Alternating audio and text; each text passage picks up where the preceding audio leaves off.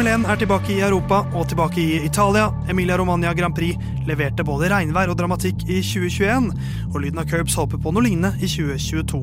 Vi ser fram mot løpshelgen, ser på hva som venter for Dennis Hauger i Formel 2, og vurderer om sprintløp egentlig bør være en greie eller ikke i denne ukens episode.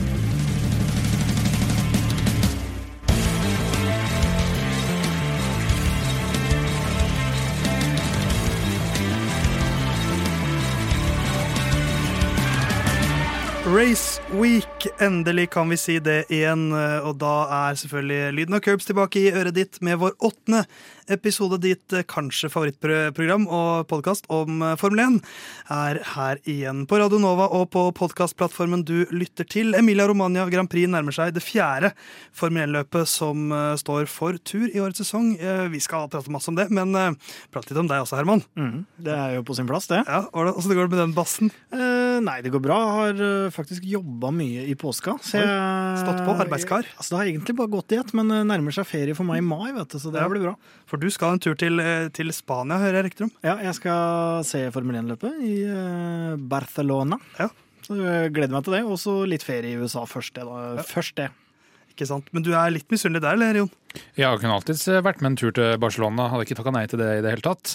Min påske har vært eh, på eh, mer eller mindre høyfjell, men akkurat så lavt at i skiløypa så kunne du gjerne hatt på skibytte til rulleski innimellom, for plutselig var det asfalt her og der.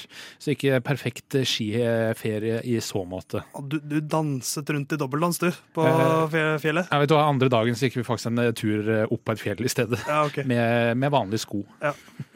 Noen som lurer på hva jeg har gjort i ja, påsken, eller? Ja, det er jo et, et av de forbedringsmåla vi har. Så hva har du gjort i påska? Eh, jeg har bare jobba, så jeg kjenner meg igjen i det du sier her. Men det har gått i uh, sport på to hjul for min del. Ikke motorsykkel, men landeveissykling, som er det jeg jobber med. Uh, store klassikere. Flandern rundt, Paris Roubais. Gøy, gøy, gøy, gøy, gøy. Men nå er det snart Formel 1, og det er minst like gøy.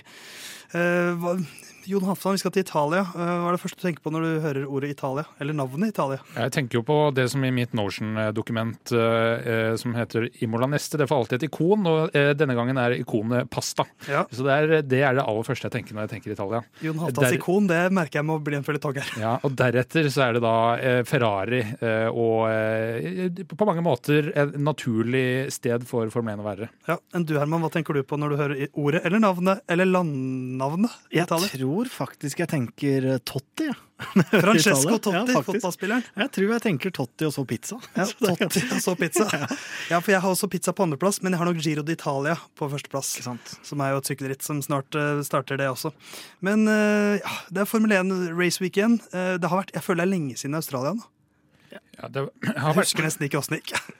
Nei, det var jo et veldig kjedelig kjedelig Halvdan husker det. Eh, jeg husker hvordan eh, det gikk. Det ble jo eh, Charles Leclerc som vant, etterfulgt av Perez og Russell. Men det var jo et heller mindre minneverdig løp, så at man ikke husker nøyaktig alle detaljene nå snart to uker etter, det er jo ikke helt uforståelig. Nei, det var jo Verstappen også der som fikk tekniske problemer. Ja. Det også er jo ganske viktig å huske med når man ser på sammendraget og, og sånne ting, da, hvordan de ligger an, så har jo ikke han helt fått den sjansen til å matche Leclerc sånn det har vært til nå. Kan vi snart kalle han Verstoppen. Den er tynn, men jeg skjønner hvor du skal. Men samtidig tjukk. Ja, jeg skjønner hvor du skal. Og kanskje litt tidlig. Hvis, ja. det, hvis det, fortsetter som annethvert løp, så da skal han jo vinne dette løpet, og så ikke fullføre løpet etter. Da, liksom, da kan vi kalle han Verstoppen. Ja. Foreløpig DNF-rate på 66,66666. Det er eh, nesten Verstoppen, det. Vi skal prate litt uh, mer eh, nærtgående om Emilia Romagna Grand Prix om noen få strakser.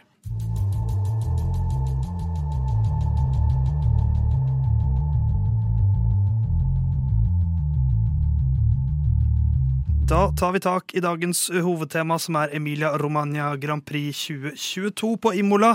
Endelig er um, Formel 1 tilbake i Europa. Det er jo det er noe riktig over det, Herman, etter uh, en liksom, politisk vanskelig start i Midtøsten. Ja, det er klart Så var vi i Australia, det var gøy, men det er noe eget med Italia og Formel 1. Ja, det er klart det er det. Og en historisk bane som har vært kjørt i mange år, og ikke så mye det siste, selvfølgelig, men det er, det er kult at de kommer til, til, Europa. Og det er jo også flere varslede endringer på, på, bilene, og at man også kommer til å se mer av det utover. Så det, det også er jo kult. Så er det litt sånn usikre værmeldinger som vi skal komme tilbake til. Kan begynne med å se litt tilbake på, på fjoråret, for det var litt av et løp. Det begynte i rett fra start, hvor eh, Max Verstappen fra eh, tredje startposisjon tok, eh, tok starten, tok ledelsen, og det, en, det, ble en liten skvis mellom Hamilton og Verstappen i starten. Hamilton endte med en liten skade på vingen, og Max tok teten, og derfra ut så, så, så hadde han vel egentlig ledelsen. Men det var mye safety cars. Latifi ble kjørt ut av Masepin. Schumacher spant. Det var en krasj mellom Russell og Bottas. Eh, rett etter at Hamilton hadde kjørt ut, rett etter at han hadde pitta. Eh, masse safety cars, rødflagg.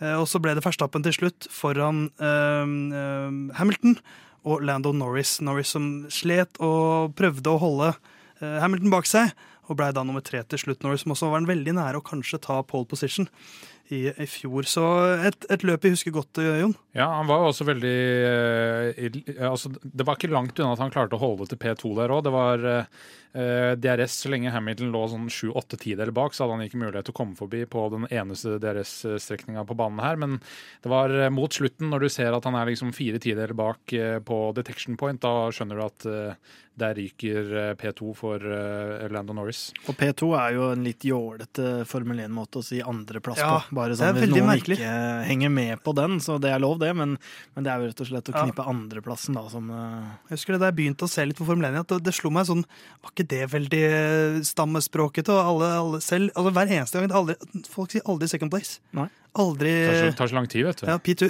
jeg sier bare first loser, ja. Takk for meg. ja, First loser i fjor ble jo da Hamilton.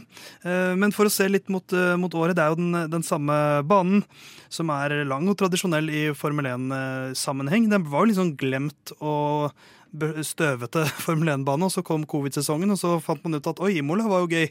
Kanskje det er noe å, å, å teste. Og så har man fortsatt her. Eh, og vi husker løpet i fjor, Jon. Det var mye DRS. Eh, DRS-tung eh, til tider, men, men, mye tight racing på disse gamle europeiske banene. Ja, det er, jo ikke, det er jo en av de mer sånn tradisjonelle europeiske banene som er ganske smale. Så det er jo det vi kommer til å få se av forbikjøringer, er gjerne inn i sving 1 etter den DRS-sona, også nå i helga. Men det er jo en gøy bane. Jeg tror det for føreren nå så er det, det er en ganske sånn flytende bane, mye høydeforskjell eh, opp og ned og eh, litt tighte sjikaner her og der. Ikke så mye runoff areas er det vel heller, så du, eh, du straffer hardt hvis du gjør feil. Ja, og det fikk jo eh, Bot, Bot, Bottas og Russell erfare eh, sist i fjor. Hamilton også, mm. selv om han slapp unna med det. Leclerc er jo ute på også i ja. formation lap, så sklir jo han ut. Ja. Så det, jo, det var jo drama hele veien der, så vi kan jo håpe på regn igjen i, i år. Ja, jeg vet ikke om vi trenger å håpe. Eh, værmeldingene ifølge yr.no, min favorittnettside når det kommer til, til eh, værmeldinger, også ganske mange fra andre nasjoner som bruker yr.no hyppig. Eh, jeg vet ikke om Formel 1-lagene sitter på yr.no. Ja, jeg tror jeg har sett det på de her på ja. Pitwallen, at de har yr.no oppe. Ja. Syns jeg har sett Kristen Gislefoss sitte på pitwallen til ja. Red Bull. Nei, men det er, det er, meldt regn, for å si det sånn. Vi prata om det i forrige episode, at nå kommer vi til Europa, da kan regnet komme. Og det har du jaggu gjort. Spesielt på torsdag. Da er det ikke race, men på fredag er det altså så mye regn uh, som det nesten er mulig å få blitt, da er det kvalifisering. For det er jo skjøvet litt på, fordi det er sprint race denne uken også. Det skal vi komme tilbake til. Uh, så det vil si at det blir sannsynligvis regn under kvalifiseringen både for Formel 1 og Formel 2. Uh, eh, mindre fare på, for regn gjennom lørdagen og søndagen, men fortsatt er det litt regndropper på yr.no. og og da er usikkerheten der, og da kan vi få scenario som i fjor, at det er litt regn og kanskje diskusjon om start på slicks eller på inters. Så det ligger opp til å bli en spesielt dramatisk fredag, da i hvert fall, Jon. Ja, og Hvis vi ser litt på temperaturen nå, så er det liksom meldt 13 grader på fredag, 22 grader på lørdag og 17 ja. grader på søndag. Så eh, under fri trening eh, så vil eh, de eh, informasjonen de får om dekka, ikke nødvendigvis bety så veldig mye for selve løpshelga, som jo er en ekstra liten sånn eh, usikkerhet da, som gjør gjerne det litt mer interessant eh, strategisk. Og hvis vi får en regntung kvalifisering med mye regn, da kan hva som helst skje. Ja, da kan eh, hva som helst skje, og ifølge min foretrukne meteorologtjeneste, .no. pent.no, som du en pen gutt. samler begge, så står det per nå at det skal regne på søndag. Ja, Så sant? um, det det- kan være at det kommer også i løpet. Og det trengs ikke mer enn litt drypp, så blir det jo et helt annet eh, løp. Så, så vi gleder oss til forhåpentligvis eh, regn. Um, hvis vi da ser litt på, på en slags power ranking, eh, Ferrari på toppen, må vi vel kanskje kunne si. Eh, ikke så langt foran Red Bull. Eh, nummer én og to, nummer to. Eh, Ferrari på hjemmebane. De har selvfølgelig lyst på seier. Monza 2019, forrige gang de vant på hjemmebane med, med Charles Clair. Vinner de igjen, Jon Halvdan, du skal slippe å, komme med litt offisielle tips, men de ser bra ut fortsatt. Ja, og de må jo sies å være favoritt til det løpet her. Eh, Bilkarakteristikken tilsier at de gjør det bra når det er eh, mye svinger. Eh, De har veldig bra traction og akselerasjon ut av svinger. Så der har de nok en liten fordel til Red Bull, og har også vist til nå at de tar bedre vare på dekka. Som selvfølgelig er helt ubetydelig hvis det skulle regne på søndag, men ikke, sannsynligvis ikke ubetydelig likevel. Så absolutt favoritt. Kanskje noe knepen foran Red Bull. Jeg vet ikke helt hvordan eh, de kommer til å se ut på en litt sånn mer teknisk bane som det Imola er, sammenligna med de tre eh, banene vi har vært på til nå. Ja, kan jo hende de ser bra ut, men, eh, men så kommer de siste seks rundene, og så plutselig så ser de helt stans ut.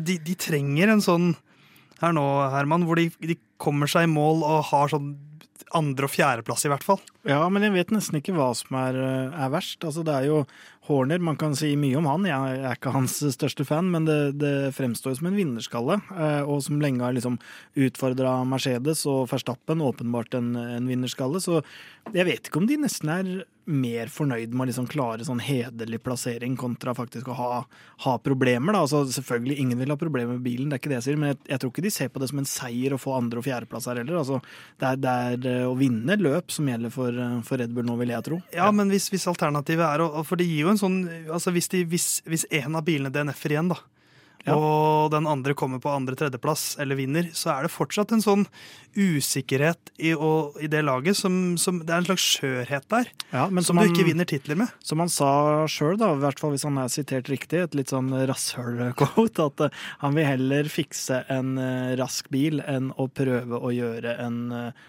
en OK bil rask, da. Så det, han eh, Altså, det er jo selvfølgelig litt uh, sikkert å slenge mot Mercedes og, og andre som sliter, men uh, han virker jo fornøyd med den utfordringa. Men det er jo en klassisk, og der støtter jeg den egentlig. En, en, en rask bil er lettere å gjøre altså det er lettere å gjøre en bil reliable enn rask. Ja, og eh, Nå har ikke jeg hørt eh, noen sånn veldig detaljerte rapporter fra Red Bull, men jeg vet iallfall at eh, Verstappen han var eh, ute og vitsa om det her allerede ganske kort tid etter eh, under noe simracing session. Ja, det, Som eh, kan tyde på at sannsynligvis er problemene løst, ellers hadde du ikke vitsa med det allerede. Men Ellers er galgenhumor noe man bruker når man er i en stressa og pressa situasjon. ja, er ikke det ganske menneskelig? Jo, absolutt. Men jeg, jeg har litt sånn vanskelig for å se at de føler seg veldig sånn pressa enda. Eh, de må selvfølgelig levere og trenger nå å eh, komme Altså, De må ha et godt resultat. Jeg tror heller de foretrekker andre- og tredjeplass eh, på begge bilene framfor uh, DNF eh, på en av bilene og en seier. Uh, Nå er jo selvfølgelig Max deres eh, førsteprioritet. Uansett hvor bra Peres gjør det, så vil Max være det. Det er det Red Bull er bygd rundt. Og Det er ikke sikkert eh, Dietrich Mateschitz, som eier Red Bull, hadde giddet mer hvis eh, Verstappen går til et annet lag heller. Eh, Så eh, det er, eh, de må få poeng på Verstappen, og det begynner å brenne ganske mye. eh, Selv om det ikke på ingen måte er avgjort sånn verken førermesterskap eller konstruktør, men det begynner å haste. Ja, jeg tenker jo egentlig at øhm, Selvfølgelig så skjønner jeg at, øh, at biler som har sett dårlig ut til nå, de øh, kommer ikke til å kjempe om uh, verken fører- eller konstruktørmesterskapet. Men øh, i og med at sesongen fortsatt er såpass fersk, så har jo alle det egentlig i egne hender. Altså, Vinner du samtlige løp nå, så vinner du jo både fører- og konstruktørmesterskapet. Så vet jeg at sporten fungerer selvfølgelig ikke sånn, men alle har det i egne hender. Både Mercedes, Ferrari, Red Bull og eventuelt andre lag. Så er det jo selvfølgelig sånn at de lagene som har sett best ut, de er jo selvfølgelig de som er i førersetet om det her, og da er det jo Ferrari og Red Bull, da. Ferrari og Red Bull eh, fortsatt uh, top dogs før Imola. Uh, vi får ta en titt på Mercedes, McLaren og de andre lagene uh, om noen få strakser.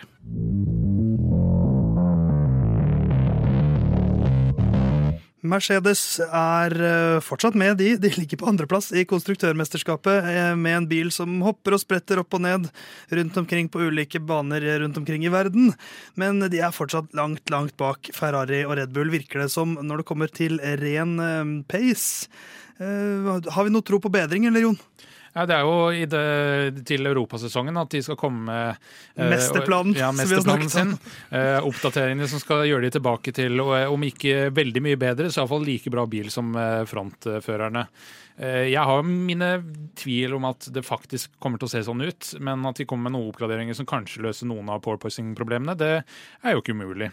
Eh, hva med deg? Nei, jeg har litt trua, ja, men altså, er, jeg skjønner at det, på en måte så er det urealistisk fordi de har sett uh, dårlig ut både gjennom testing og de første løpa og sånne ting. Så det, alle sykdomstegna er der, men samtidig så Jeg klarer bare ikke tenke at et, eh, et, lag som har vært så bra, og som er så stort og drives på en måte tilsynelatende såpass godt, har bomma så kraftig. Jeg klarer ikke se det. Altså at det, at det ender sånn her denne sesongen her, det klarer jeg bare ikke se for meg. Nei, altså, det er jo fortsatt tre løp inn. Jeg syns jo at i Australia så var det Det var jo en Altså, eh, Ferrari vant jo suverent, men det var en periode der da Mercedes Eh, begynt å nærme seg Red Bull. Eh, på i hvert fall et punkt i løpet, og det er jo de får begynne der.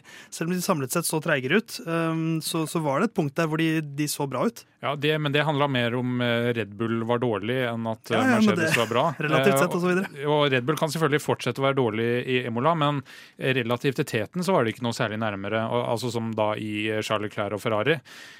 Men at det kommer noen oppgraderinger nå, er jo, det er jo nesten en selvfølge. Om de løser de sju tidelene omtrent de har lagt bak per runde eh, umiddelbart. Det tror ikke jeg, men eh, at det knapper inn på noe er selvfølgelig ikke umulig. Men det er jo ikke sånn at det er eh, utviklingsfrys for de andre lagene heller.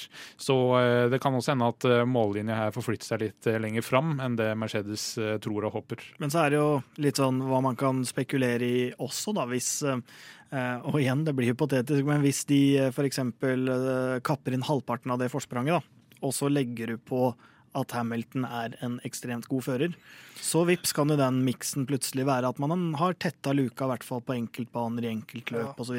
Legg på litt regn på toppen også, så, så, kan mye rart skje. Det er klart vi legger på litt her, da. Det ja, ja, men, det, men, men, det, er jo tross alt forventet regn, uh, i, i, hvert fall på fredag. Uh, McLaren har plutselig klatret opp til fjerdeplass. Uh, de var på podiet her i fjor med Landon Norris, som så ut til å ha en pole-verdig tid på gang i kvalifiseringen da. Um, hvis vi ser i sjiktet bak de tre topplagene der, da, med, med Ferrari, Mercedes og Red Bull uh, McLaren og alpin uh, skilles av Det er to poeng som skiller de to lagene. Er det de som er i ferd med å etablere seg som uh, best i midtfeltet, hvis vi skal kalle det det nå? McLaren? Eh, ja, McLaren og alpin, altså de to lagene. Det ryktes jo at det kommer en oppgradering eh, hos Alfa Tauri som Gasli har gleda seg veldig til. Så det kan godt hende at det melder på seg et tredjelag der. og Has hadde jo en veldig off helg forrige helg, men har jo sett bra ut de to foregående. Så så lenge de ikke roter det helt til nå, så er det fort vekk i hvert fall fire lag jeg kanskje vil si skal i hvert fall en stund til kjempe om å være liksom best of the rest. da som vi gjerne kaller det. Jeg har litt trua på alpin, rett og slett. Jeg syns uh, ja, det, Vi må ikke glemme hvor bra Alonso var, uh, var sist. Og Ocon på en måte som en litt sånn Stabil jo, ja, type. Litt, litt, kjedelige resultater til nå, og ikke sett så mye til litt racing i midtfelt og sånn, men har jo levert, da. Og ja, jeg, jeg, tror kanskje fort Hvis jeg skulle tippa nå, så hadde jeg tippa at alpin hadde blitt best of the rest. Ja. Det stemmer jo sikkert, for jeg treffer jo på alle påstander. ja. Vi får se om Mercedes også går inn etter hvert her, men, eh, men, det er vel den jeg er mest usikker på, om de får, eh, får bilen på plass. Det kan godt tenkes vi kommer litt tilbake til det. Eh, hvis vi ser lenger ned, da. Det er jo det er jo trist å se Williams nå, syns jeg, som slurer rundt der nede. Men også Aston Martin trenger jo trist, ditt, ditt, lag, Herman. Som satser stort og bygger store anlegg og greier og greier. De skal, de skal liksom ta ta topplagene, og så ligger de der helt sist. Null poeng. Stroll med 12-12-12 på tre løp. og...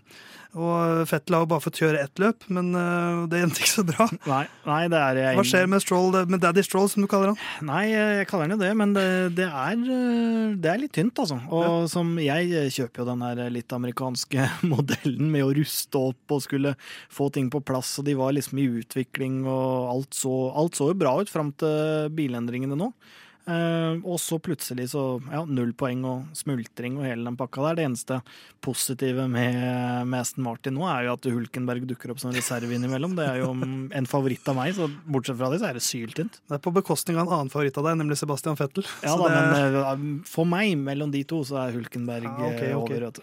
Men uh, et lag vi ikke har snakket om, Alfa Romeo, for vi prata om at Has har vært en gledelig, gledelig greie.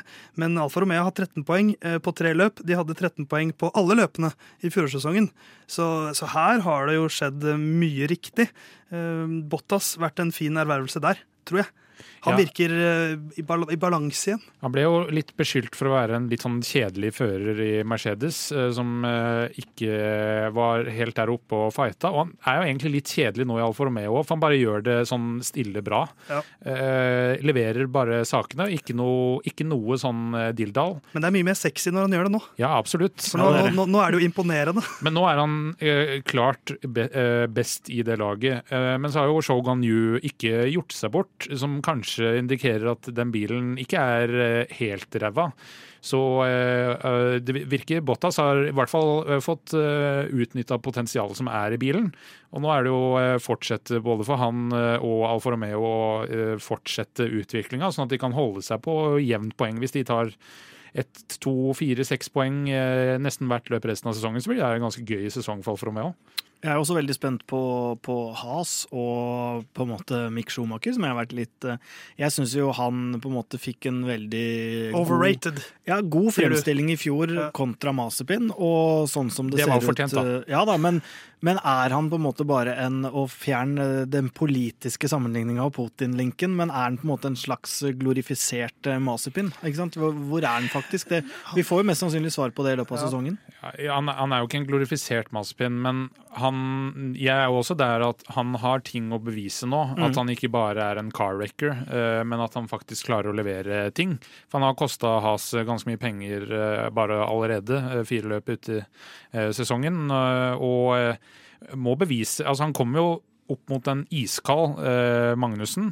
Eh, som jo har hatt en eh, tur i IndyCar, men, eh, men likevel. Han er, er, Han skal helst være der oppe. Ja, Magnussen blir mer og mer fysisk i form også, ja. så da tåler han belastning mm. mer. Og det er klart at hvis Altså, Egon ser bra ut, det er sammenlignet med Fjordland. Yeah. Men uh, hvis du sammenligner det med en uh, Michelin-restaurant, så er ikke Egon så bra plutselig. Ja, Men hvis du tar den biffsnodder med ekstra kjøtt uh, der, ja, så, men, er den ikke så dum, faktisk. Jeg, jeg, mener at Egon kan ha sin plass av og til, ja. men, det, men, det, er ikke like fancy og like mye talent bak maten der Neida, det som det er på for eksempel en av de fine restaurantene. Eksempel Maemo ja. eller Stadholdgården. Det er jeg enig i. Men det er jo litt sånn interessant med med norske øyne òg. Ikke fordi at Dennis Hauger er en, er en direkte konkurrent til Mick om hans sitt sete, men det er litt sånn ok, Man vet jo aldri hva Dennis Hauger vil oppnå i framtida, om han vil havne i Formel 1 og sånne ting, men sånn som Mick Schumacher kan jo være en potensiell konkurrent som har et av de 20 setene. og Hvis han bare suser rundt og er der fordi han er en, en veldig fin sponsormagnet, så er det litt sånn ja ok, da er han jo en slags glorifisert uh, Mazepin, eller en paid driver. Han er jo om, en slags, uh, om ikke en paydriver, så en, eh, en oppmerksomhetsdriver. Mm. Ja, og det, altså det er ett klinkende klart mål for Ferrari, og det er å ha en ny storhetstid med en Schumacher. Så de eh, Det er jo en PR-smakers drøm. Ja, selvfølgelig. Og, så de ønsker jo at han skal eh, gjøre det bra, og vil nok være ganske tålmodig med å bistå at han får bli eh, i setet til Has også, men han må jo begynne å, eh, absolutt begynne å levere varene, og det denne sesongen. Og det betyr at avstanden til uh, Kevin Magnussen ikke må være så mm. stor som det er nå. Så Mick, pressure's on. Vi skal komme med våre offisielle tips og ta med noen spådommer fra dere som hører på nå.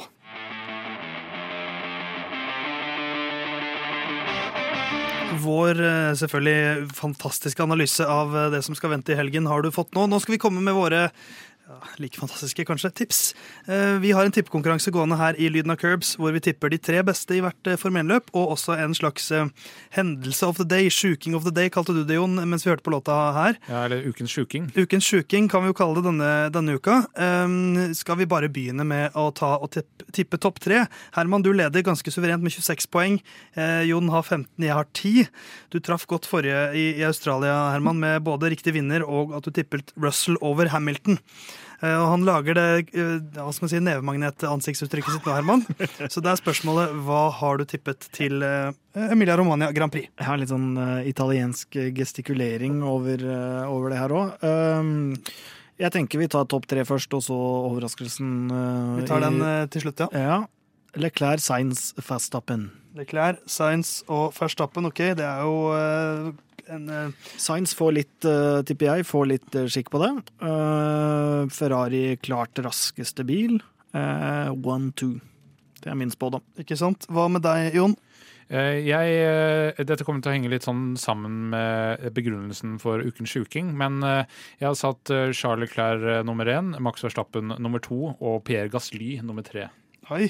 Pierre, det, da, kom, da mistenker jeg at vi kommer tilbake til Ukens sjuking. Ja, da kommer vi tilbake til Ukens sjuking. Jeg, eh, Vi har for første gang tippet samme vinner, alle tre. Eh, For jeg har prøvd å være sexy og spesiell. Det har ikke gått så bra. Eh, Leclerc har jeg tippet. Så tror jeg at Red Bull kommer seg i mål med i hvert fall én bil, og at Verstappen blir nummer to. Og at Carlos Sainz får en litt bedre helg igjen og blir nummer tre. Men fortsatt da ser litt svak ut i forhold til Charles Leclerc. Hva hadde du på to og tre, Jonathan? Eh, Max Verstappen og Pierre Gasly. Ja, stemmer det. Så vi har samme første- og andreplass, eh, men da Gasly og Sainz på tredjeplass. Mm. Ja, foreløpig noe litt mer vanskelig å eh, spå det her enn det det var i Ha- Ham Verbotte-dagene. Ja. For da hadde det vært eh, lite konkurranse. Men det liker vi jo. Eh, Mer utfordring er bra. Og så eh, ukens sjuking, eh, eller da, Driver of the Day, hendelse of the day. Vi har fått inn noen sjuke tips fra deg som hører på. Eh, følg oss gjerne på Instagram. Lyden av Curbs heter vi der, eller send til post at curbs.no. Eh, vi kan gå gjennom kjapt der. Magnus Tune tror Norris eh, tar podiumet i en, et heseblesende løp. Um, um, Ole Røsvik tipper alpin på pallen. Så det er jo litt i tråd med noe à la det Jon tipper, bare litt samme følelse i hvert fall. Uh, Andreas Halvorsen, uh, Landon Norris vinner og Con på tredjeplass. Det er jo dristig tips. Ja, det er disse tips. Og så kanskje et enda mer dristig tips fra André Røsvik. Sebastian Fettel på topp ti. Det er jo litt trist at det er dristig tips, Ja. men det er jo det. Ja, det er sånn det har sett ut nå, så er det det. Men, eh, men det, takk for mange gode tips der. Eh, Jeg hadde godkjent de fleste tipsene der som et godkjent tips, for det er jo da sånn at eh, det vi kommer med nå, vår dristige spådom, må bli godkjent av minst én annen i studio. Ja, og så er det jo, selv om den her gir bare tre poeng, og riktig plassering gir, gir flere, så er det, føler jeg at den her er mest stas, Ja. egentlig. egentlig, den burde- betyr mest. egentlig burde vi oppgradere poengsummen på denne. Uh, det- vi får ta det på kammerset. Ja. Ja. Men Herman, du som leder sammenlagt, du skal levere ditt tips først. Ja, jeg hadde um, som alternativ én, men, men jeg er jo en komplisert uh, sjel, så jeg hadde som mitt første alternativ at en av alpinbilene over begge Mercedes. Men så har jo da min kamerat Ole sendt inn noe tilsvarende, og det kan ikke jeg være bekjent av. Nei, ikke sant? Og så har min på en måte erke-F1-nemesis på andre sida her satt Gassly på tredje. Så da går jeg for min andre påstand, Ja. eh, som jeg vet skal være tellende. Sunoda over Gasly. Ja, Hvis den blir godkjent, da. jeg syns, jeg syns ikke den er så sjuk, ass. Den er, de er Du, du hadde, like. fordi at Herman, du, du, du, du kjørte Russell over Hamilton forrige uke. Eller for to uker siden. Du får ikke den her denne gangen. Ok, ass. Da blir det alpin over Mercedes. En av alpinbilene over begge Mercedes. Ja, det syns vi burde ha et navn. Oi. Ja, enig. Enig.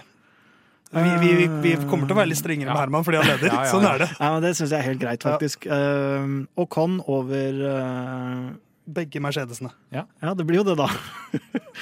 Ja, ja, det, men den, eh, den godkjenner jeg. Ja, det burde dere jo. Ja, ja. Du får godkjent selv om Alonso også er over begge Mercedesene. OK, å ja. Det skal ikke være maks altså maks én alpinbil foran begge Mercedesene, var det det du tenkte? Jeg tenkte én alpin over begge Mercedes. Ja. Jeg, jeg, jeg, jeg, jeg syns Ocon over begge Mercedes, den skal du få. Ja. Okay, ja. Greit, men jeg kommer til å være ekstremt bitter hvis uh, Alonso kommer over og jeg da ikke får poeng. Nei, Selv ja, men, jeg er det- men med hvis både Alonso og Ocon er over, så er det godkjent. Men Ja, hvis det er, ja, men hvis det er. Alonso over, ikke godkjent. Nei, enig. Uh, og vi kommer til å være strenge med deg så lenge du leder, Herman. På Ja, den så der. lenge vi er konsistent consistent på Ja, ja. den Mario Kart-effekten. Ja, ja. At den som kjører først, Ja. er Vi treigest. kjører rubberband der, ja. Mm. Definitivt. Uh, du, Jon. Ja, Det altså, godkjenner ikke jeg.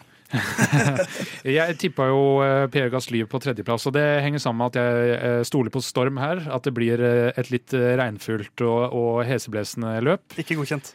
Så eh, min ukens sjuking er at eh, på et eller annet tidspunkt så kommer Kevin Magnussen til å offisielt lede en runde. Oi. Minst én runde. Ja, Så ikke bare at han har et ett-han, men at han, han leder fra start til slutt på én runde. Nei, altså Han må krysse målstreken P1, eller førsteplass. Ja. Eh, det, det holder ikke Hvis han eh, leder og pitter rett etterpå, det holder ikke. Han må liksom lede en, eh, minst én runde. Den, Jeg liker den veldig godt. Jeg, jeg syns den er godkjent. Ja, jeg, på, på trass så godkjenner ikke jeg den, men Spiller ingen rolle. Nei, ikke sant. Eh, jeg har, jeg har uh, Ocon topp tre i kvalik. Ja, altså at han eh, kvalifiserer på PM2 eller 3? Ja. det er godkjent. Ja, godkjent er han. òg. Jeg går for en skikkelig regntung dag. Ja. At han gjør en sånn sjuk kvalikrunde som jeg føler Ocon er kapabel til. ja, han er jo Han er jo en sånn liten fighter. Eller han er ikke så liten, han er ganske høy. Ja. Han er høy fighter. En høy alv fant vi ut eh, i forrige episode. Hør på den, så får du vite hvilke eh, medlemmer i Ringens brorskap som er hvilke personer i Formel 1-sirkuset. Det var våre spådomstipp tipp og tips. Vi tipper Leclerc som vinner alle tre. Eh, Jon og meg har Verstappen på andreplass. Herman har Sainz. Og så har vi tre forskjellige eh, tredjeplasser med Herman som tipper Verstappen, Jon som tipper Gasly og jeg som tipper Sainz. Så har vi tre dristige spådommer, Herman, med Ocon over begge Mercedesene. Jeg har Ocon topp tre i kvalik, så det er mye som avhenger av Ocon her. Og eh, Jon Halvdan har hatt Magnussen leder én runde. Vi kikker videre mot eh, Formel 2, vi nå. For etter en eh, ganske lang eh, liten pause, så er det endelig Formel 2 igjen. Og med norske øyne så våkner vi jo litt da, fordi det betyr at Dennis Hauger skal kjøre rundt omkring på en bane igjen. På, for første gang på ca. en måned i eh, Formel 2-sammenheng da. Saudi-Arabias Grand Prix var forrige gang. Det var også et Formel 2-løp. Så nå kommer de litt tettere her. De skal kjøre Emilia Romagna, og så skal de til Spania igjen, og så Monaco og Aserbajdsjan er de neste løpene i Formel 2-sesongen. Eh, Det har jo vært en litt så som så start for Dennis Hauger. Han ligger foreløpig på tolvteplass med åtte poeng. Eh, Jeg vet ikke hva vi skal si, Herman. Er, har vi lov til å være litt skuffa, eller skal vi si at det er eh, tross alt hans første sesong, og vi må ikke være for strenge med Dennis? Eh, jeg syns nok det siste, ja. Ja. Uh, vi kan ikke være for strenge med Dennis. Uh, Hvor strenge kan vi være med Dennis? Vi kan være strenge med Dennis, men ikke så strenge med Dennis. Og det er egentlig Altså, han, han er oppe i sin første sesong i F2. Det har vært litt eh, stang ut med, med teamet, eh, taktikk. eh, både det og, og selvfølgelig tekniske problemer. Så jeg syns jo det blir litt for, for dumt å liksom dømme det nord og ned, men det blir jo en slags sånn variant à la Mercedes. At her må man jo begynne å se noen positive tendenser etter hvert. Vi så det jo kanskje litt nå sist, og så forhåpe, forhåpentligvis så bygger han videre på det. da, Men jeg syns jo det ser ut som det er mange førere som per nå er bedre enn han, og som Ja. har et høyere toppnivå. Og det er kanskje mer skremmende enn resultatene i seg sjøl. Så er det jo, Han er jo rookie i F2, som du sier. um, og det er mange um, Det har jo Bahrain og, og Jeddah Saudi-Arabia ikke de banene han kjenner best. Uh, nå kommer det en mer europeisk kalender. Han møter en del baner nå som han kjenner. uh, som han uh, har kjørt i Formel 3 og, og tidligere. Så det gjør jo kanskje at vi kan være litt mer optimistiske. Og, og jeg syns jo det, det, har vært, det har vært en del freak incidents her, uh, Jon Halvdan. Så uten de uh, Det er selvfølgelig en del av sporten, men han har vært litt ekstra uheldig. Vi har lov til å si det. Ja, altså det dekket, dekket som ikke satt fast under en strategisk pit under safety car. Nå var det, jo, det ramma jo et annet lag også, så ja. det var ikke helt unikt. Men eh, det, det så jo ikke så veldig bra ut, og det kan man jo ikke skylde på Dennis Hauger. Syns jo heller ikke at eh, straffen han fikk i Jedda Jeddah var eh, Altså, det var jo eh, riktig, men litt sånn i overkant eh, strengt når du uansett har liksom eh, fått veldig forskjellige signaler og eh, har mista ledelsen og er ute av poenga. Ja, det, er jo, det, var, det, var uf, det er mye uflaks, selv om noe av det er hans skyld også. Så er det, sånn, det har vært en del hendelser som er sånn som kanskje skjer Du får én av i løpet av en sesong, da. Ja. Eh, Og han har fått to-tre stykker i første, på to løp nå. Det var jo der han blei sendt gjennom pitten, og de andre ikke fordi pitten blei stengt osv. Ja. Hvis ikke alle husker det. Og jeg så jo et uh, I podkasten med rettighetshaver uh, Viaplay i Norge, så sier jo Dennis at eh, det var egentlig liksom ingenting han kunne gjort annerledes. da. At han liksom Ja, man skal, man skal alltid se på, på lyset om pitten er stengt eller ikke, og det gjorde han, men, han, men de var liksom helt 100% klare på at han skulle inn, og at det hadde de fått bekrefta. Sånne ting. Så som dere sier, da, det er jo veldig uflaks, og noe han åpenbart hadde tenkt gjennom var hans feil eller ikke, men landa på nei, da. Så jeg tror nok det stemmer. Ja, og så er jo det, En sånn en hendelse er jo eh, noe man får tilegna seg erfaring fra. Så Neste gang så kommer man jo ikke til å kjøre inn i pit. Eh, og Det er jo liksom eh, litt av greia med å være i Formel 2 også, at du skal opparbeide deg erfaring innen racing. og Da lærer man jo av sånne ting. Nå var det jo testing i Barcelona nå i helga, vel.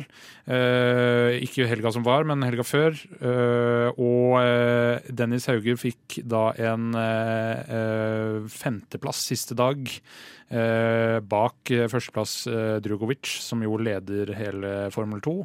Så det er jo, det er jo positive signaler, men når Drugovic fortsatt leder også etter testing, som, og der får Hauger 37 poeng opp til Drugovic på førsteplass med 45 poeng, så er det jo Det er flere som skal ha uflaks for at det skal gå Dennis vei denne sesongen, tror jeg. Har dere hørt et mindre brasiliansk navn enn Drugovic? Det hjelper at han heter Felipe til fornavn, da. Men jeg, jeg, jeg er for så vidt enig. Men vi kan jo da nevne bare sånn, i og med at eh, Dennis er førsteårssjåfør i Formel 2, det er den tredje sesongen til Drogovic Mm. i Formel 2. Ja. Så um, apropos altså, erfaring og, og så videre. Men, eh, men det er jo en faktor her. Eh, for de som fulgte med på Formel 3-sesongen i fjor, da det var regn, da var Dennis knallgod. Eh, Det var noen forbikjøringer der i regn som var helt rå. Eh, Så Det gjør jo at jeg merker jeg, det kribler litt i, i Formel 1-hjertet mitt når jeg ser eh, værmeldingen på kvalik på fredag. altså. Og ikke minst Formel 2-hjertet. Ja, Formel 2-hjertet det kribler kanskje enda mer. Ja, og så må da Prema vise seg litt bedre strategisk i forkant av kvalifisering, fordi det har vært kanskje ikke under enhver kritikk, men eh, det er men Under stort, en, en del kritikk. ja, stort rom for forbedring, er vel det man eh, kan man vel beskrive det som. Så eh, jeg håper at de klarer å utnytte det, da, hvis det faktisk regner, eh, og utnytte regntalentet til eh, Dennis. Ja, og det er my mye som tyder på at eh, i hvert fall kvalifiseringen til Formel 2 kommer til å bli preget av regn i like stor grad som Formel 1-kvalifiseringen der. Eh, Formel 2-gutta har en da eh, treningsøkt på fredag morgen klokken 11. Så er det eh, kvalifisering klokken ja, like før fire norsk tid, og så er det sprintløpet deres på klok eh, klokka seks på lørdagen. Da snur man altså de eh, beste i kvaliken opp ned. Og så er det det hovedløpet på søndag som da tar utgangspunkt i kvalifiseringen. Um, to løp altså på Dennis. Har du noen dristige spådommer der, eller Herman? Hvor, hvor, hvor bra kommer han til å gjøre det denne helgen? Oh, jeg, tipper, um, jeg tipper han kommer til å gjøre det bedre enn i de to foregående. Det tror jeg. Um, så hvor man skal legge lista ut fra det, det vet jeg ikke helt. Men jeg tror jo Juri Vips er mitt tips. Han, han har jeg fått en litt sånn forkjærlighet for. Han syns jeg ser, ser bra ut. Og Drugovic selvfølgelig. Og han Versjor syns jeg også tidvis har sett eh, bedre ut enn Dennis. Men at han kanskje kommer seg opp rundt de etter hvert, eh, er jo i hvert fall lov å håpe på. Ja, det, har, det har vært fire forskjellige løpsvinnere på de, de fire løpene man har hatt. Versor, eh, Theo Porcher og Liam Lawson og Felipe Drogovic. Jeg, jeg tipper første podieplassering. jeg. Er det, er det for dristig, Jon? Nei, jeg syns ikke det. Eh, Han kan gjerne, like gjerne vinne sprintløpet hvis han tar en strategisk pole position, eh, altså tiendeplass under Ja. kvalifisering. Eh, Så, så er det fort vekk muligheter for å eh, vinne det, det litt mindre eh, høythengende sprintløpet, men eh, likevel ti poeng eh, til eh, førsteplassen der. Og eh, Få en seier. ja, det, det, vil, det vil ha mye å si, og det vil jo også hjelpe laget litt å få troa på egne ferdigheter igjen. For det er vel eh, kanskje Man har vel følt at man har gjort mye feil eh, de to første eh, løpshelgene. Ja, Vi heier på Prema, og vi heier på Dennis Hauger. Eh, sprintløp i Formel 2. Det er jo en kjent sak. Sprintløp i Formel 1 det er litt mer ukjent, men det, de prøver seg stadig. Vi skal ta en liten diskusjon om det.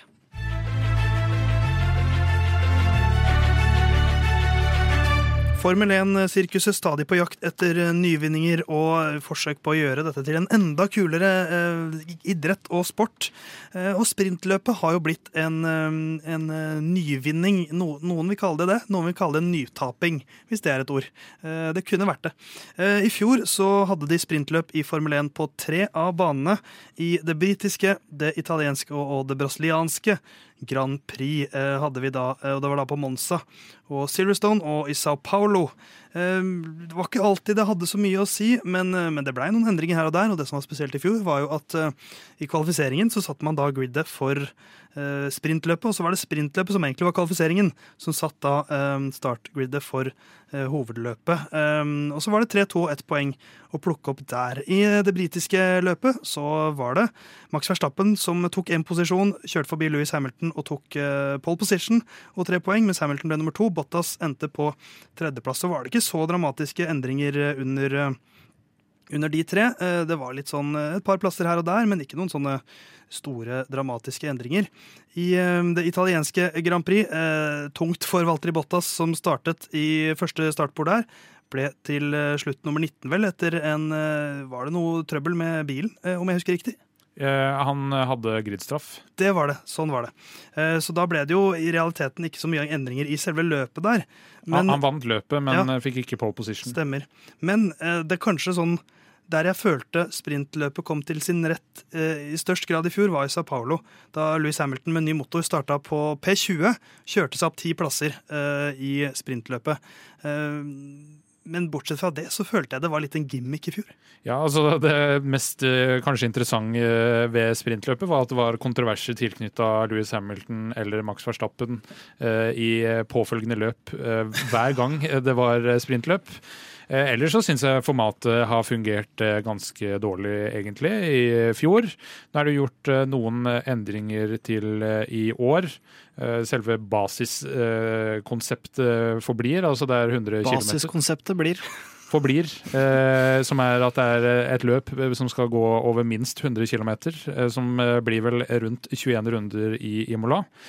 Eh, nytt nå er at det er åtte poeng fra første til åttendeplass, altså at førsteplass får åtte poeng. Og så er det eh, ett poeng mindre til plassene ned til åttendeplass, som får ett poeng.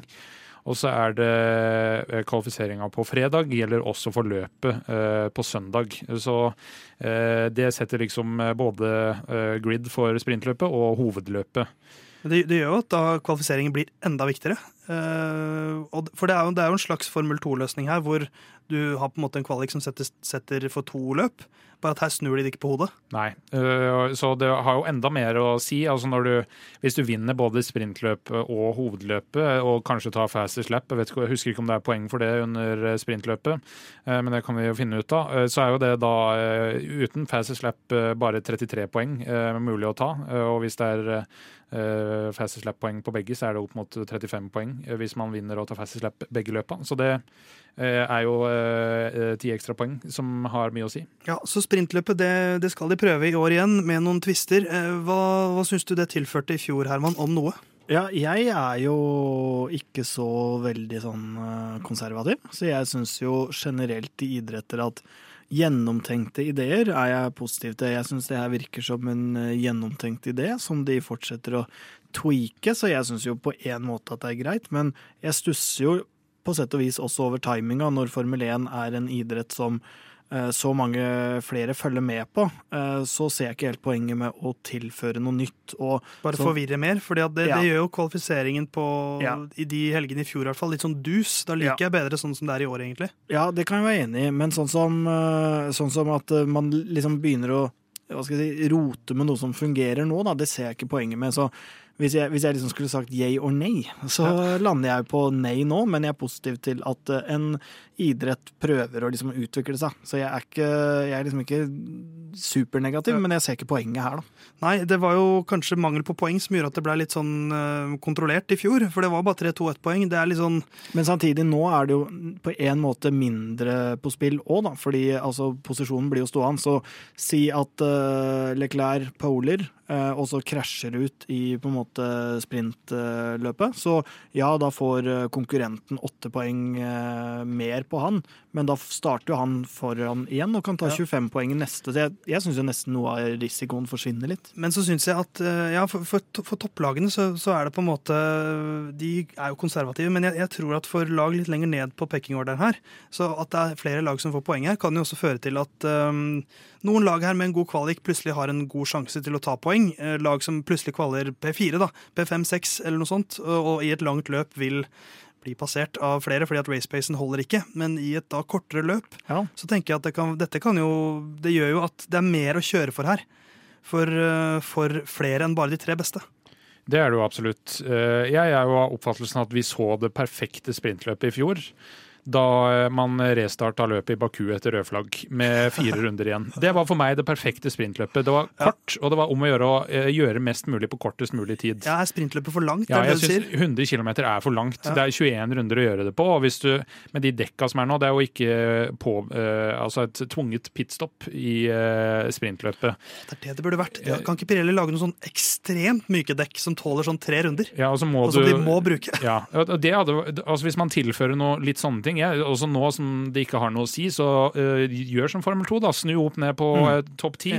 Fordi eh, det som du var inne på, da Hamilton ble plassert bakerst ja, Det var jo fantastisk spilltløp. Det, det var jo så gøy. Hvis du kan putte raske biler ut av posisjon, så vil mm. du få eh, god racing. Eh, eller iallfall god underholdning, ikke nødvendigvis god racing, for det vil være eh, litt David ja. mot Goliat eh, enkelte plasser. Men, men, men, det ville vært spekulært, spekulært, faktisk, spektakulært å sett eh, de raskeste bilene prøve å manøvrere seg forbi på, på Imola, da, for eksempel, som er en smal bane, ja. og ikke nødvendigvis kunne vente på på DRS og måtte ta det inn i sving igjen men prøve å snike seg forbi på andre måter og, som nærmest er umulig. Da. At, uh, jeg, jeg, er enig med det at det blir veldig sånn halvhjerta, og det fører egentlig ikke til noe spesielt. Og ikke har det noen voldsomme konsekvenser, ikke har det noen voldsomme gevinster. Og i fjor så var det også ganske kjedelige løp, fordi de var veldig forsiktige med å ødelegge for det som kom eh, seinere, da. Ja. Men jeg, jeg, skjønner jo eh, motivasjonen bak å ha et sprintløp, og det er å gjøre, å flytte kvalifisering til fredag, sånn at for publikummere, sånn som Herman og sånn som skal til Barcelona, vel å merke uten sprintløp der denne sesongen,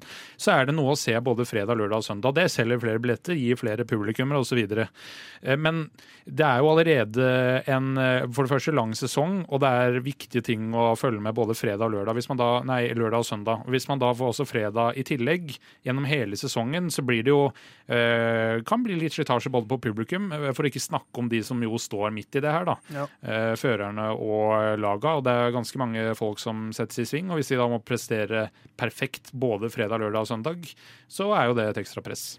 Ja, så er det, men, men, men for å stille et direkte spørsmål, Herman. Syns du sprintløp gjør Formel 1 mer uforutsigbart?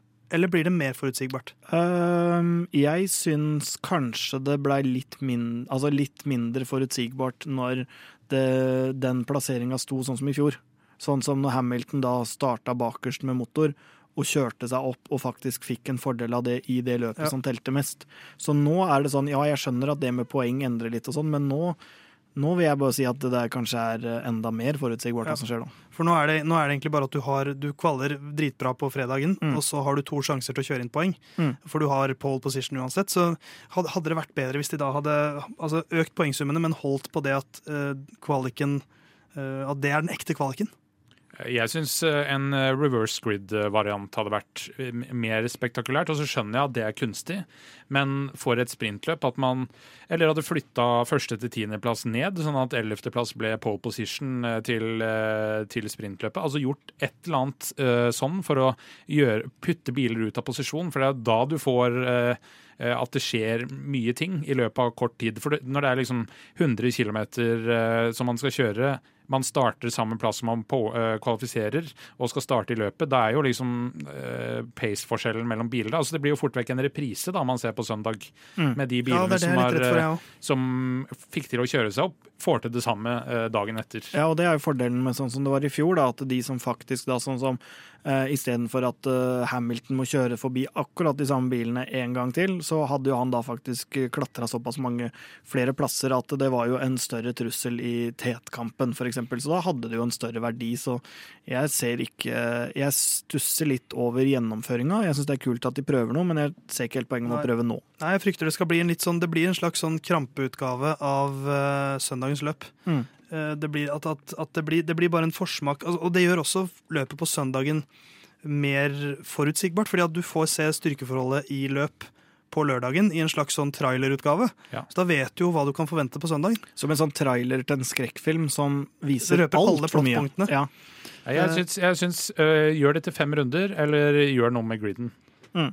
Ja, jeg støtter det. Så vi i uh, Lyden og Curbs ikke utelukkende negative til konseptet sprintløp, sprintløp, men sånn som det er nå, ikke så veldig bra. Så da blir det nei fra oss uh, foreløpig.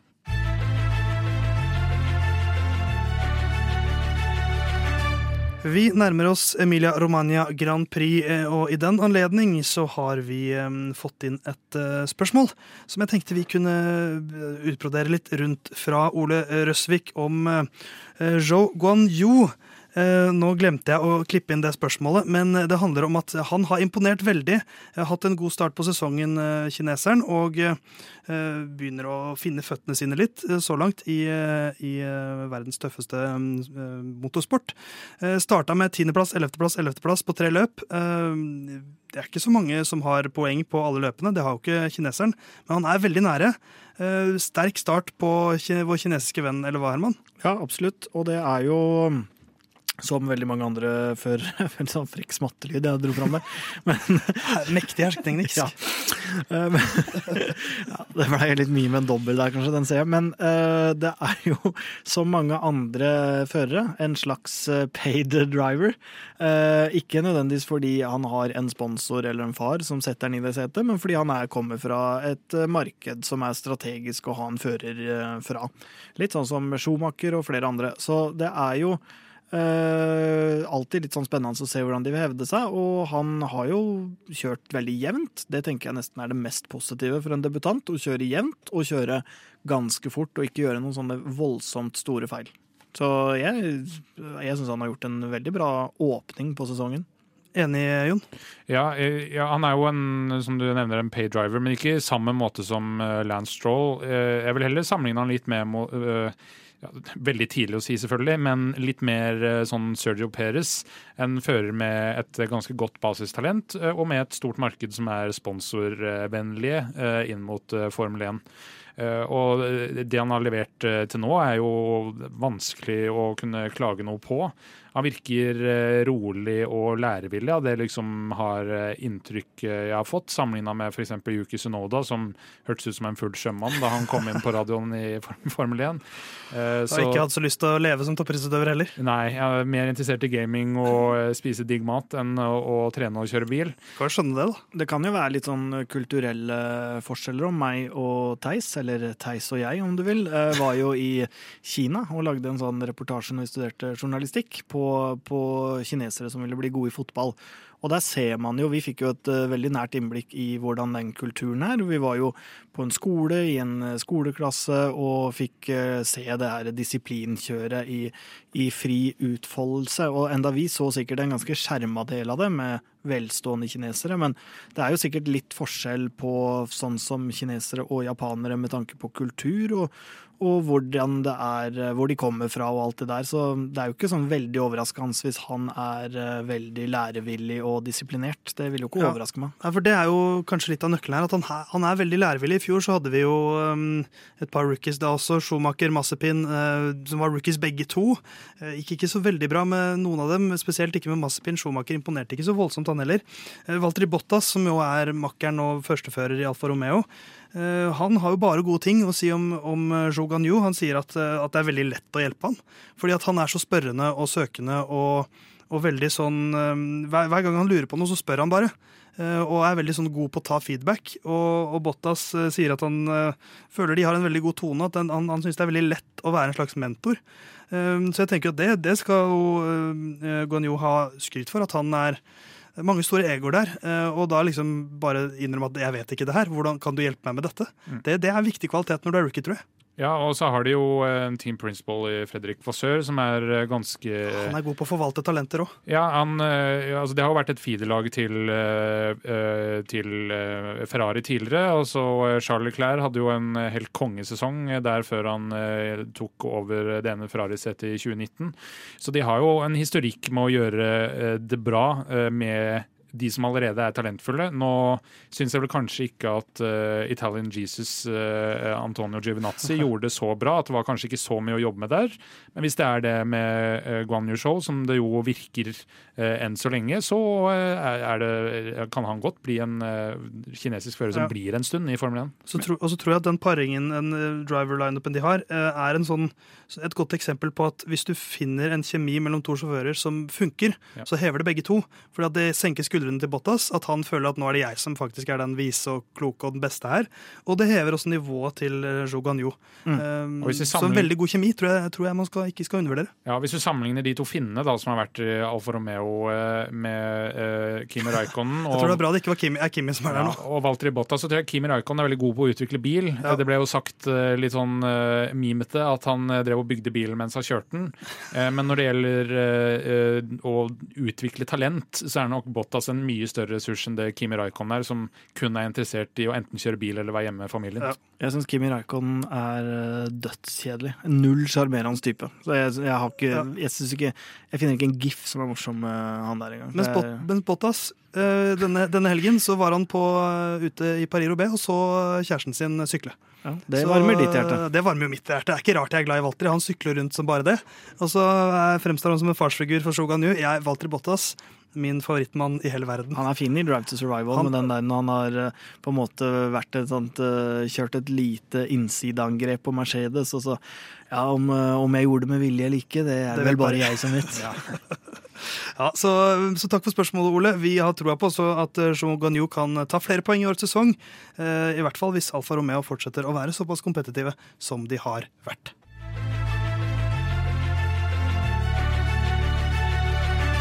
Episoden vår før Emilia Romania drar seg mot slutten, men eh, vi har eh, tid eh, fortsatt litt til noen krumspring. Herman, du har et visuelt krumspring til oss om en av lagsjefene. Ja, det er Williams-sjefen Jost Capito som Bare si til alle, alle som hører på, google Jost Capito og finn et bilde av han. Ja, for det, det er jo en voksen, på en måte, kjekk mann. Men så har jeg sett at eh, det blir på en måte et frisørtips, for han, han har mørkt hår. Han er fra- 63 år. Ja, ja, og han holder seg kjempegodt. Han ser Eh, fantastisk ut. Han kunne vært eh, 45, mann, i min bok. Holder seg kjempegodt. Eh, Den manken, mørkt hår fra ørene opp, men han sverger til at han skal ha kinnskjegg eller noen sånne koteletter, og de er helt grå. Så han, han ser ut som han er 45 fra ørene og opp, men samtidig så blir den liksom 70 fra ørene og ned. Fordi det derre grå jeg, jeg ser ikke poenget. Han må komme seg til en barber og få seg en lita skinfade eller et eller annet. Det der må bort. Det er en, jeg så, det er, jeg, med en gang han kom inn i Drive to Survive, jeg hadde aldri sett fyren før. Og så bare sånn, å, se på han her, og så hva i all verden er det, er det som skjer der? Og så er det en rød tråd. Han, han har ikke blitt kvitt det grå der. Jeg, jeg skjønner ikke det er, nesten, det er nesten en jobb for en mediestrateg altså, på Williams, å Ja. så få bort det greiene der. Men tror du ikke de prioriterer bilen framfor kinnskjegget til eh, Ja, men Jos den, Capito? det er jo, tar jo ikke veldig lang tid. Det er kanskje Altså, ikke samme folka som driver på med samme provisering heller. Nei, men det, noen må se på det. Ja. Helt, Ja. eh, helt klart. Ja, nei, så det var eh, et lite krumspring. Vi skal ta et annet kjapt krumspring før vi takker for oss. Spørsmålet er fra Klaus Holm Fjellero. Eh, Hvis dere kunne valgt ut én fører å møte i valgfri idrett, hvilken idrett, hvilken fører? Mm. Uh, skal, jeg har lyst til å begynne med mitt svar. Ja, For jeg er, jo i den, jeg er jo en gamer. det er du. Og jeg hevder jo at e-sport det er i, på samme nivå som sjakk eh, når det kommer til idrett slash eh, Jeg vil si kanskje enda mer toppidrett enn sjakk. Eh, Så jeg har lyst til å møte Fernando Alonso i e-sport. Valgfri e-sport. Jeg tror jeg banker dritten ut av han. For at han er en gammel og sur grinebiter som aldri har spilt noe som helst. Ja, uh, det Eller er, ok, kanskje ikke i en driving simulator. Der tror jeg ikke jeg hadde slått han. Ja, Men, i, men i, et, i noe alt annet enn motorsportspill så hadde jeg slått han. Hvis du velger noe sånn League of Legends eller noe sånt Jeg har aldri spilt det. Jeg slår han uspilt. Ah, ok, greit. Fordi at han er sur og grinete og går lei fordi han ikke skjønner ungdommens språk. altså, Høyre mustast, hva er det? Ja, Jon Halvdan, nå er jeg spent på deg. Eh, nei, jeg hadde jo egentlig tenkt å ta gaming-varianten, for jeg har jo ikke sykkel-pedigreen til eh, Theis eller eh, håndball eh, slash 40 meter-pedigreen til Herman. Eh, men eh, det må jo da eh, bli noe Kanskje noe sjakk, da. Ikke at jeg er spesielt god i sjakk, eh, men, okay. Men at jeg kanskje hadde tatt Lance Stroll tror jeg hadde tatt i sjakk. Ja, det tror jeg òg. Ja. for, for øvrig, jeg kunne gjerne tatt en sykkeltur med Walter Bottas, Ja, men, han, men, men han hadde jo slått meg. Og jeg tenker at målet her må jo være at vi skal vinne. Ja, eh, og jeg, jeg, jeg tror det hadde blitt jevnt, men jeg hadde tatt Ja. Lance Roll i sjakk. Ja, jeg øh, ville jo valgt noe som jeg hadde hevda meg i, og jeg tipper at jeg er bedre enn alle førerne Jeg visste det kom. i 40 meter. 40 meter. Ja, det tror jeg. Den kjente idrettsgrenen. Eh, Den friidrettsgrenen. Ja, men 40 meter, eller 60 meter, er jeg bedre enn alle på. Spydkast er jeg bedre enn de alle på, og i håndball. Ja. Men jeg ville hatt ut litt agg. Så jeg hadde møtt øh, Max Verstappen i noen sånn type stående bryting. For jeg har ikke noe bryteteknikk, har ikke drevet med det, men altså bare, bare holde grep om han og være, være grusom. Og du, du er jo en eh, eksplosiv kar, Herman, og det man glemmer litt hvor tynne og Altså, de, er, Ja. de, har, de har bra kjernemuskulatur, alle disse Formel 1-sjåførene, og de er toppidrettsutøvere og atleter, men de er utrolig tynne Mm. og lettvektere alle sammen. Det er ikke et gram unødvendig fett på den kroppen der. Så det er jo, Og i boksing så er det som regel den, den, den tyngste bokseren som vinner. Ja. Og det gjelder i ganske mange kampsporter. Det er en grunn til at det er vektklasser. Ja, Så da var det fint at i denne sekvensen så fikk Herman eh, altså sneket inn litt selvskryt over egne eh, atletiske ferdigheter, og så kom han til poenget om eh, hvem han ville møte. Og da ble det selvfølgelig men- Verstappen-hat, som, det, som det bunnet ut i. Og han sier jo han har jo bare to 40-metersprinter igjen i livet, så han hadde jo bare slått to av førerne. Det er sant, med mindre alle løp samtidig. Ja.